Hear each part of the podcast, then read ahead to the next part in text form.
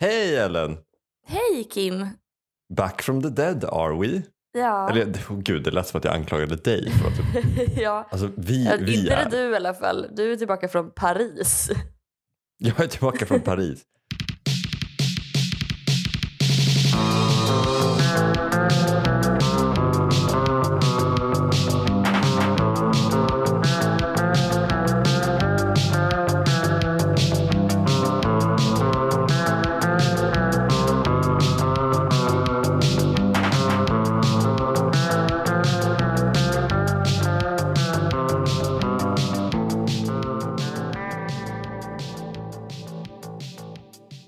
Här är Tusen saker med eh, Kim Eklöf och Ellen Theander. Vi har skrivit en lista med färdiga samtalsämnen som vi betar igenom.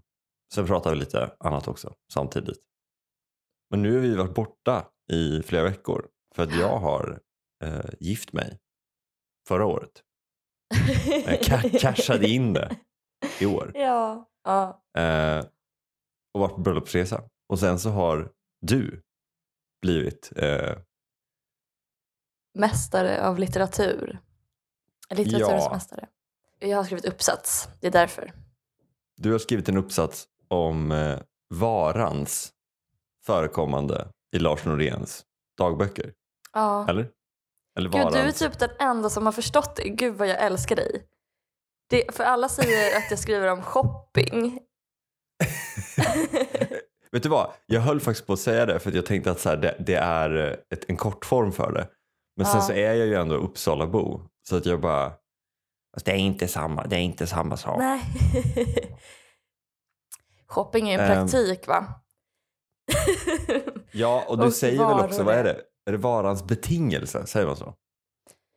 Varan kan man säga är ett stadium i ett föremåls liv. Mm. När dess utbytbarhet för något annat föremål är dess mest socialt relevanta egenskap. Förlåt, så har jag aldrig tänkt på en pryl. Wow. Ah, Vad... Det är mind blown. ja. Jag sitter och tittar nu på alla saker i det här rummet och bara You guys, you have all been varor. Jag vet, man kände sig så jävla huggen i ryggen. Nu, alltså, det, det var som att rummet blev ett annat. Ja. du sa det. Jag tittar på min, min fantastiska lilla ask med små instrumentskruvmejslar och bara Har ni varit varor? Ja, Det är inte min lilla skruvmejselask. Och sen så ser jag att om man fäller upp här på baksidan så finns det en sån här hållare som man hänger upp eh, förpackningen med på Ah. såna här rack i butiken. i butiken. Och bara, they're still there. Ja. Navelsträngen. Men du känner inte liksom din lilla hora? Att du liksom har kunnat, att ha- den har kunnat eh, följa med vem som helst hem? Det bara råkade bli du? Det, ja, ja, det har jag faktiskt inte heller. Ja, och, oj, oj Eller- nu blev det en extra dimension av det. Ja. Eller är det Alla mer att du tycker synd om saker. den? Att den har behövt hänga där bland alla likadana? Det, det är mer, det är mer liksom, jag tror liksom inte att jag har sett mina saker som resultatet av min shopping. Typ så. Nej. De är ju resultatet av ditt arbete, säger Marx. Mm. Jag gillar Marx eh, definition mer än min så. Jag har ju problem med grejer. Alltså inte, nu, när man säger att man har problem med shopping så låter det som att man har Klarna och ehm, typ, jag vet inte, har väldigt, väldigt dyra hörlurar. Mm. Men jag har problem med shopping som, alltså, så här, jag är med en hoarder, typ så. Jag bara samlar Ja. på grejer. Liksom. Ja. Men det är för att jag ser dem som grejer direkt, inte som varor. Nej, Och nu blev alla mina saker varor. men gud vad intressant. För att det skriver Walter Benjamin om, den typen av samlande. Att det Mm. har en revolutionär potential. För att det du gör är att du, alltså samlaren skriver Benjamin, berörs av föremålens eller varornas tillstånd av förskingring eh, Mhm. och liksom förvirring i världen och försöker inordna dem i ett nytt system som är hans samling då. Anledningen också till att Marx säger att här, varor i arbete är att han anser att allt värde har sitt, upp, sitt ursprung i arbete. Mm. Men det här bytesvärdet som varan, som är liksom priset då till exempel. Han pratar om bruksvärde och bytesvärde. Men eftersom varan eh, uttrycker sitt värde på det här sättet, det är det enda sättet den uttrycker sitt värde på, Mm. så kan det verka för arbetaren, eller för oss, som om den har ett eget värde ungefär. Att det inte har att göra med mänskligt arbete. Så den antar liksom en spöklik skepnad. Den frigör sig från människan fastän den egentligen så är den ett tecken. Den betecknar arbete men, men det syns inte på den. Är det yttersta exemplet på det ehm, när, när prylar såldes på AliExpress eller Wish med så här betala bara för frakten? ja, det är ju något, någon ytterligare form av abstraktion ja. Att så här, den, för alla fattar ju någonstans att så här, det finns ingen produkt du får gratis bara du betalar för frakt. Det är ingen som sitter med produkt och tänker om någon bara ville betala frakt så att jag kunde bli av med produkt skulle mitt liv vara toppen. Uh. Uh, Men det kanske är mer på... För Marx menar ju då att vi äger ju redan allt. Uh, ja, vi, vi äger ju alla varor. Vi, det är vi som har producerat dem. Så det är våra. Mm. Sen är det någon Mm. som försöker dubbel... eh, betala dubbel, liksom få oss att betala igen för dem. mm, Så att vi på, först har vi liksom gjort dem med vårt arbete och sen ska vi betala dem med vår eh, konsumtionstid då, som är en annan ytterligare form av arbete. Som också Mm. reproducerar vår förslavning. Liksom. mm. Kapitalismen är det system som påför mer arbete genom varuformen. Men skulle man hoppa över varustadiet då egentligen? Eller vad? Alltså i en kommunistisk utopi så eh, delar vi ju liksom på det vi producerar. Mm, dels så skulle inte arbetet vara, eller så produktionen skulle inte se ut som den ser ut nu, att den är så specialiserad och eh, alienerande. mm, Förmodligen skulle man ju på ett annat sätt förstå vad det är man producerar. Mm. Ja, man förstår att man är en del av liksom hela samhället och ekonomin. Vad vad- vad gulligt. Alltså med just den icke-specialiseringen, den, eh, det vet jag att vi har pratat om i tidigare poddar men Mm. jag har inte tänkt på det som något. Men det, är det någonting som, alltså i, i vad ska man säga, renlärig höll jag på att säga, men liksom i renlärig kommunism, då är det inte bara att de, det är inte bara att ta över fabrikerna utan det är också, vi måste också göra fabrikerna mer demokratiska, där alla är mer delaktiga i. Ja, ja men det har jag också sagt tidigare i podden. Att så här, Mm. Han skriver att jag vill fiska på morgonen, sköta boskap på eftermiddagen och skriva dikter på kvällen. Utan att för den skulle Mm. någonsin bli fiskare, eh, bonde eller eh, författare. Han skriver, det är mycket bättre Mm. citat egentligen men, men man förstår andemeningen att liksom Mm, mm. människor kommer alltid arbeta. Det, är inte, det kommer inte Mm. vara ett problem. Liksom. Eh, sen kanske alla inte kommer vilja hämta sopor. Alltså, det, det finns ju vissa problem då. Rent, att, Mm. liksom, hur man administrerar en sån ekonomi där alla ska bara jobba med det de vill. Typ, Mm. Typ att vissa jobb är bara måste göras. Men det Mm. finns ju också väldigt många jobb i vår ekonomi som absolut inte behöver göras. Mhm. men som eh, vi mer eller mindre tvingade till. Det, det, är, ehm, det pratar vi alldeles för lite om tycker jag när vi pratar om höger versus vänster. Att det är alltid så, om vem ska köra, vem ska, vem, alltså det måste fan knegas alltså. Det är alltid sopbilen av någon jävla anledning. Ja. Jag, det, alltså, alltid, alltid förstå sig på här så bara, Åh, ska jag inte ta sopor då? Bara, Vet du vad, jag tror faktiskt att de som kör sopor, jag tror ganska många av de som kör sopor tycker att det är toppen. ja. Man tänker ju, jag vet inte vad man tänker, att de tar upp en bajsig blöja som är vänd ut och in med händerna och stoppar den i bakfickan. Alltså, De är ju för fan Kastar sig maskinoperatörer. själva i papperskorgen. Ja men typ, de är ju maskinoperatörer nu liksom. Ja. Det är klart att det fortfarande finns manual labor och det är smutsigt i sophämtningen. Men Mm. det man inte tar upp det är ju hur många jobb, precis som du säger, hur många jobb som, eller det kanske ni coola vänsterpersoner gör hela tiden, men hur många jobb som eh, görs som inte behöver göras av Mm. människor som absolut inte vill göra dem. Nej, nej. Jag tänker jag känner så många motvilliga reklamare Ja, verkligen. verkligen. Jag tror att det är med vår tids vanligaste yrke, motvillig reklamare. I, I en eller annan form, alltså, eller motvillig kommunikatör. Eller... ja, men det är alltid så med, med, tå, med en tår i liksom ena ögat så hittar de på en svinbra slogan för ännu en matleveranstjänst. Ja. Va, hur blev det så här? Då sitter man och liksom, det du behöver hem till din dörr. Ja. Åh. Han kanske kan se ut som att han surfar med matvarorna på en mobil. Och så gråter man.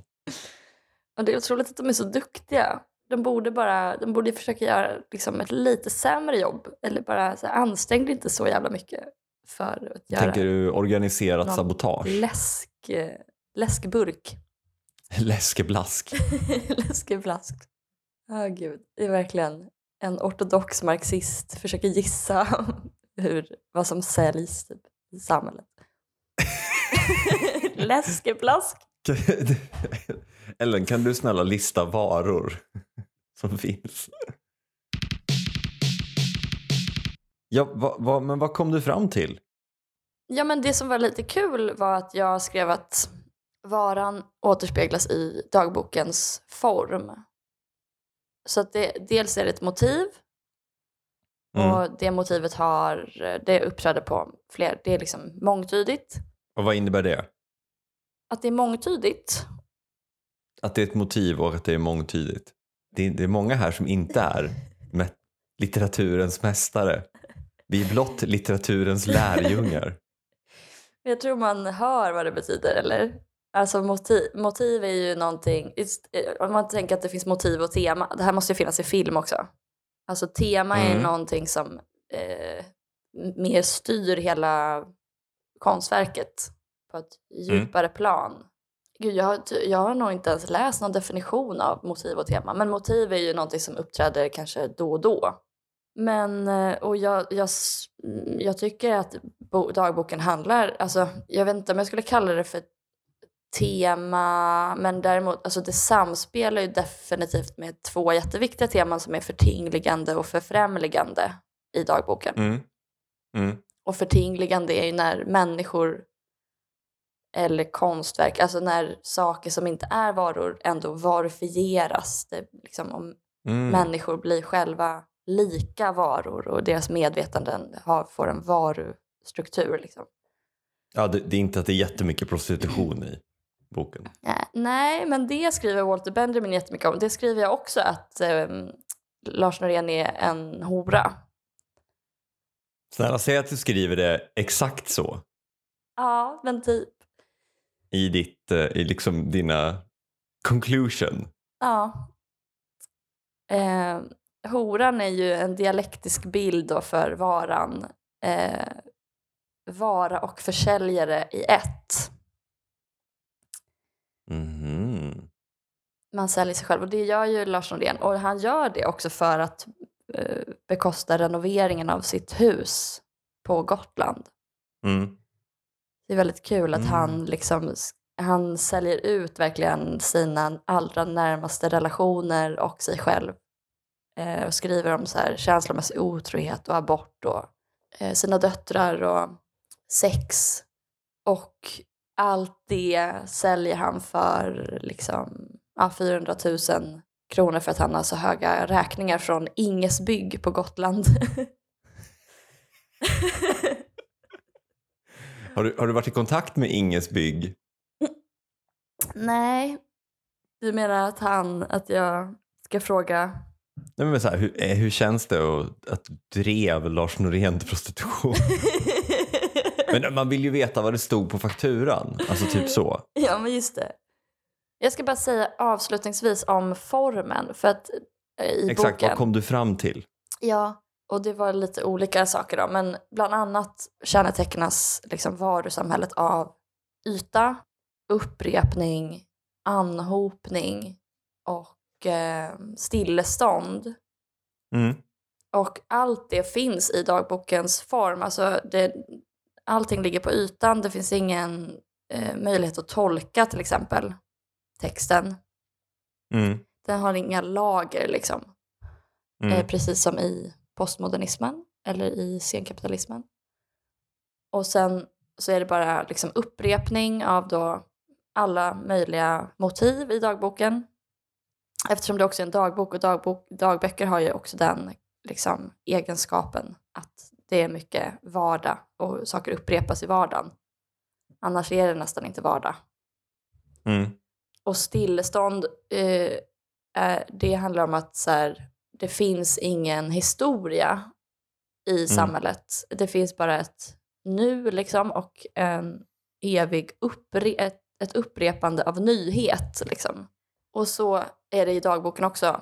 Berättaren har inget minne, det finns ingen historia. Utan det är bara hela tiden ett Mm. nu.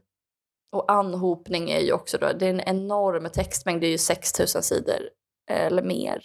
Eh, och det kännetecknar också varusamhället, ja, att det är en enorm anhopning av de här varorna och bilderna. Liksom. Så man kan säga att dagboken härmar en vara, och den är ju en vara också. Så den beter sig liksom formellt som en.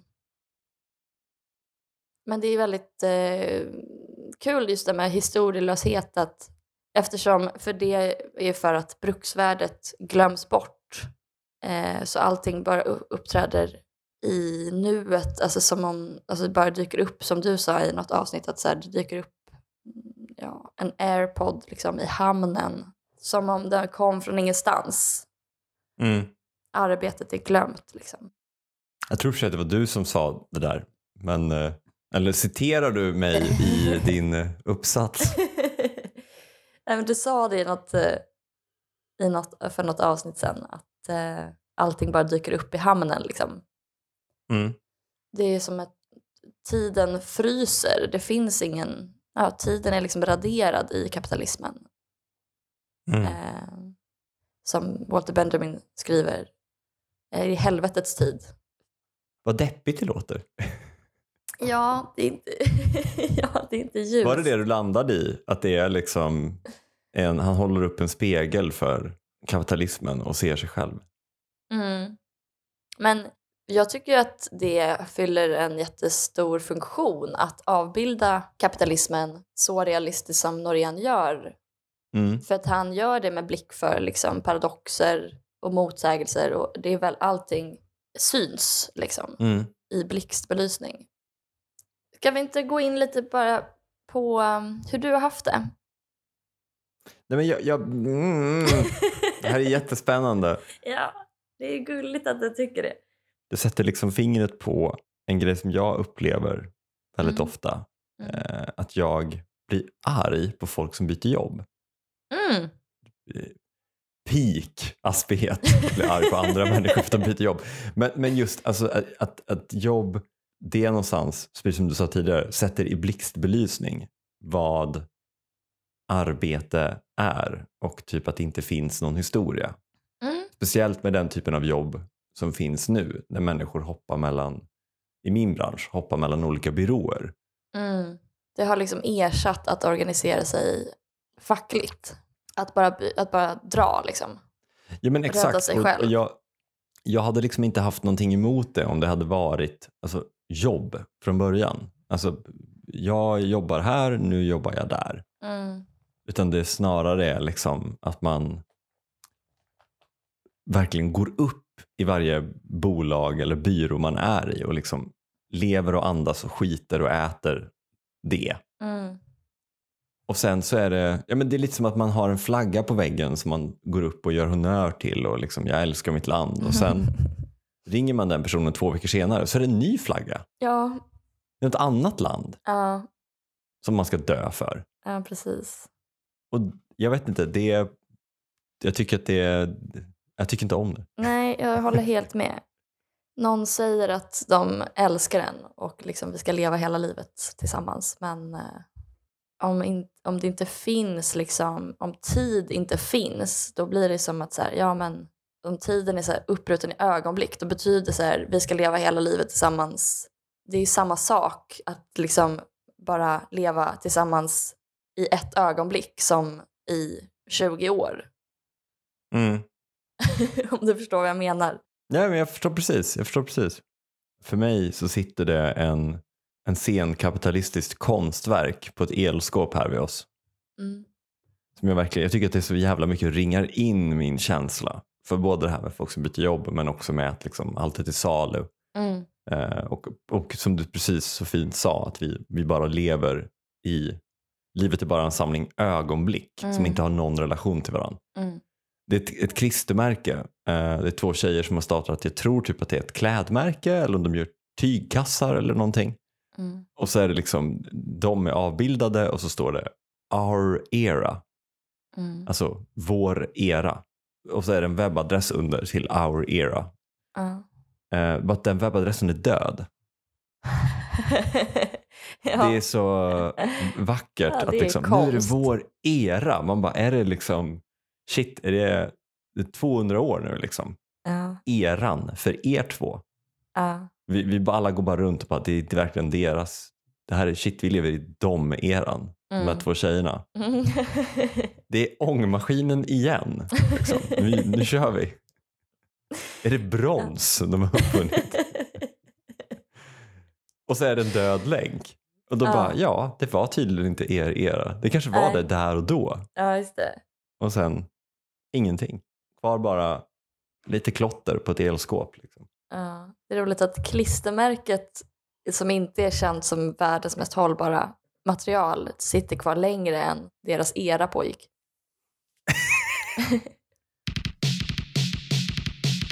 På tal om eror så finns det inom, eh, inom liksom libertarianismen, säger man så, när det inte bara är sälja sjukhus och Mm. vårdcentraler utan det verkligen är så. Johan Norberg. Jag vill Mm. inte ha, jag vill ha nattväktarstat. Ah, typ ja, så. precis. Mm. Ja. Ehm, inom den så finns det väl ett ännu längre steg och det är ju att, att liksom knappt ha nattväktarstat, alltså ha privat polis. Ja.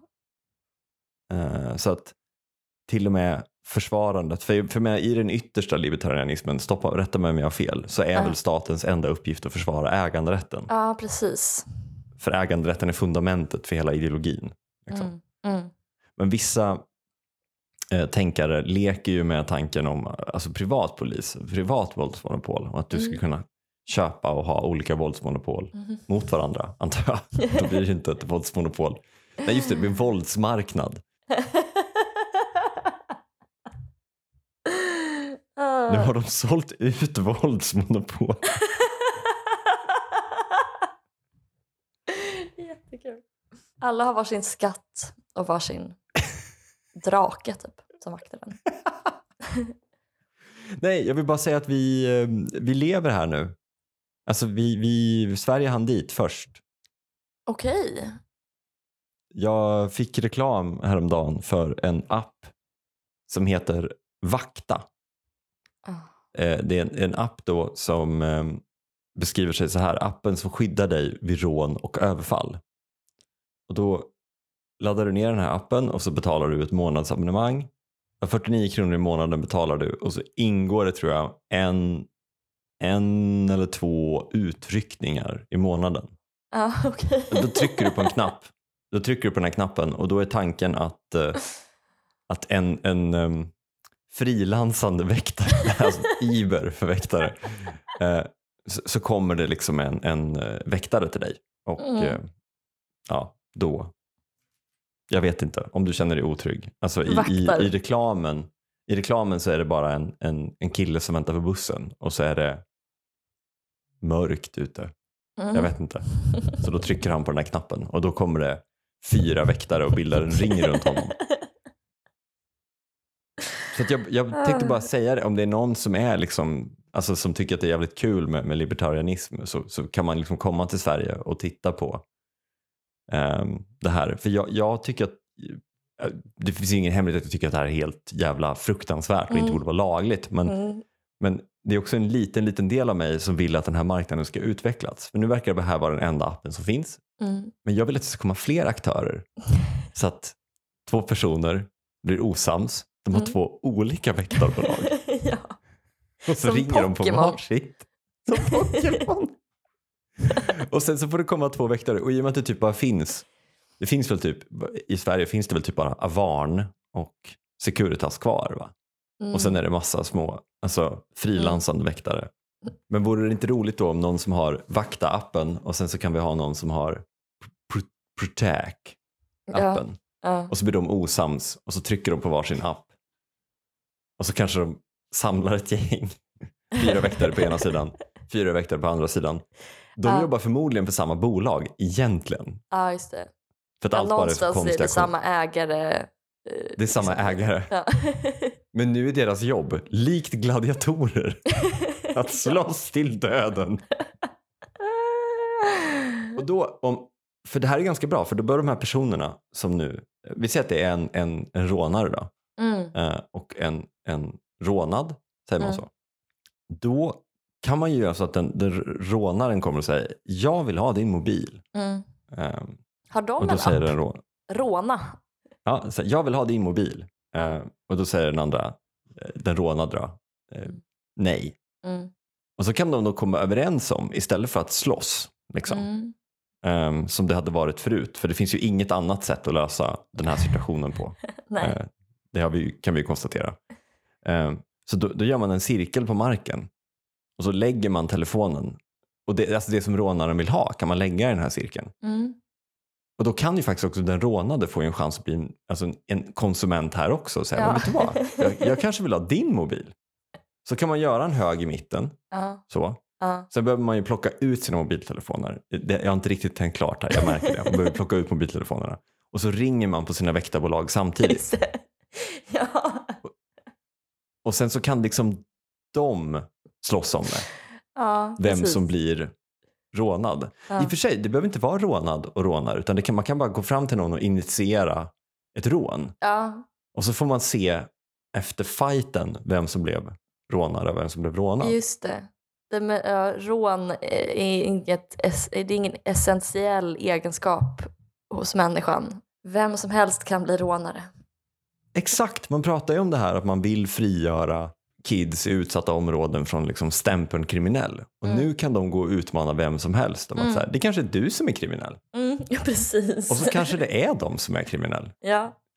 Eh, sen så kan man ju bygga ut det här då med i app, appen. Så kanske eh, väktarna kan ha som typ airpods eller någonting. Eller något billigare hörlursmärke för att de, de kanske kommer bli blodiga och gå sönder och sådär. Ja. Och så kan man ge order till dem i appen. Alltså så som gör en power punch. Roundhouse kick. Det blir som tecken. Ja exakt, E- eller precis. Tecken eller, eller som du var inne på tidigare, Pokémon. Mm, mm, mm. Ehm, och sen så, och så kanske de har man- olika, de är resistenta mot vissa, liksom man måste memorera så här, just det, det här väktarbolaget, att de är specialiserade på jordattacker. Det är eld och vattentyper. Ja, Precis, de har så här vattenkanoner. Den andra har, Åh nej! De kommer ju vinna allt ja, baserat på vad jag har sett, läst om. Riots. ja, precis. Ja, det finns ju en liten flå här då, men det, det kan vi ju jobba kring och det är ju att, att ehm, vi, det, jag vet inte om du har kört sådana här äh, spel där man kan liksom köpa sin karaktär bättre. Mm, mm. Och så kommer det kanske bli, att det kommer kanske inte bli den som är bäst på att vara rånare och bäst på att köra sina väktare i den här appen. Mm. Utan det kommer ju vara den som snabbast, som har råd att köpa ett väktarbolag som har vapen. För då kan man ju alltid bara trycka på skjut dem. Det finns alltid kärnvapen. Kärnvapen. Vänta, jag ska bara, Linnea lämnade radion igång. Jag ska bara stänga av. Hon smällde upp dörren in hit. Sätt, på radion. Smällde upp dörren. Det är liksom poddversionen av den här väktarkamperna. Att det bara är så här, Mm. vem pratar högst? Radion eller poddarna. West Side Story för eh, 2000-talet. Ja, alltså on a eh, serious note, jag antar att du har kört typ jingel här, men va? va? När gick vi med på att det här var okej? Ja. Att du bara kan kalla på en privat armé när det passar dig. Nej, men jag menar, det är det du, Nej, men det är så det du kan göra. mycket- Alltså, ja. Va? Nej men det är verkligen ma- en mardröm. Jag hade en eh, norrman på besök Mm. i helgen och eh, nej, men han skrattar ju åt oss. Att vi har liksom Mindler liksom tapetserad i tunnelbanan. Att det är så här, kolla spisen 250 gånger är okej. Han bara, nej, in, inte i Norge, inte det, det är inte okej. men, och, men här är det tydligen det då, eller? Att, så liksom, det är så maximalt cyniskt, alltså, det är som att vi inte ens försöker. Det, jag tror att, och det är ju också, det är ju också verkligen ett, ehm, jag är hemskt ledsen att säga det, men det är ju verkligen också ett Stockholmsfenomen. Så det, det, enda, det är liksom det enda jag kan glädja mig åt, att vi är så mycket fattigare ner. Mm, Att de, de, för ni hade ju också reklam för den här jobbig vårdnadstvist. Eh, eller så här, har du råkat bli av med vårdnaden om barnen? Juridisk hjälp i mobilen. Ah, Men det är ingen som tror att vi har råd med sånt här så vi får ju fortfarande, alltså vi får ju i bästa fall H&M's underklädeskampanjer. ja, precis. Nej, men alltså, för när började man, för vi pratade om det häromdagen jag och Linnea, att när fan började man sakna liksom H&M's sexiga julunderklädeskampanjer? Det var liksom det värsta. Ja, ja. Det var samhällets totala förfall. Och nu kan du typ, du åker tunnelbana, för det är just också i tunnelbanan det är den här affisch, eh, affischeringen. Mm. Att det är typ så, behöver du eh, köpa eh, nya sneakers men har inte råd? Sälj din lever, Liverly app. Va? Ja. Och då är det också efter att man, man har redan så betalat tusen kronor för att alltså, gå ner i tunnelbanan. Och då måste man se en reklam som föreslår att man ska sälja sin lever. Alltså, eh, eh, hur... Jag fattar ju att Kristoffer Tamsons alltid ler så fruktansvärt på alla bilder på honom för att han har liksom fångat er, precis som du säger, i ett system. Det är som att man skulle betala för Spotify Premium. Och så man bara, mm, nu ska jag lyssna på gamla goda Beatles. Ja. Och sen sparkar någon, in, sparkar någon in dörren och bara Har du barn som inte jobbar? De kan jobba för oss. Sweatshoppery. Jag vet, ja, det är verkligen. Sälj din fru. Få ett och fem i handen. Men det är liksom ingen som reagerar längre. Alltså, är, man, man orkar ju inte. Därför så, all, man, man ger ju upp. Den här tuttreklamen. Ja men just det, ja just det. Var stolt över det du har. Och så bild på bröst. Och så Eller- bara, eller inte. Det är så jävla roligt. Eller bit.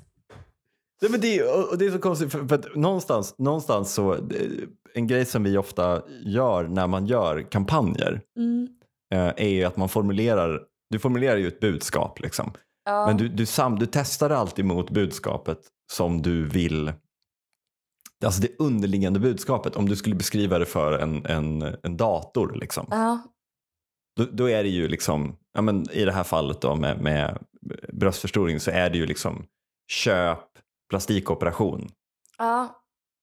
The audacity hos eh, SL och liksom verkligen ta tusen spänn för, för att sen så sitta och skrika köp nya pattar. ja. Det finns liksom ingen annan tjänst som är lik det. nej, Att, eh, nej. Det så om, du gick till, om du liksom gick till bion och då bara, ja det kostar eh, 400 spänn att gå in. Och man bara, oj det var väldigt dyrt. Och, bara, ja, och i salongen så sitter det en kille som har en sån jävla snedtripp. Kommer sitta, han kommer då och då sitta och klappa dig på axeln när du minst anar det. Men så är det ju Wow. faktiskt på bio också. Att man betalar och sen går man in och kollar på reklam.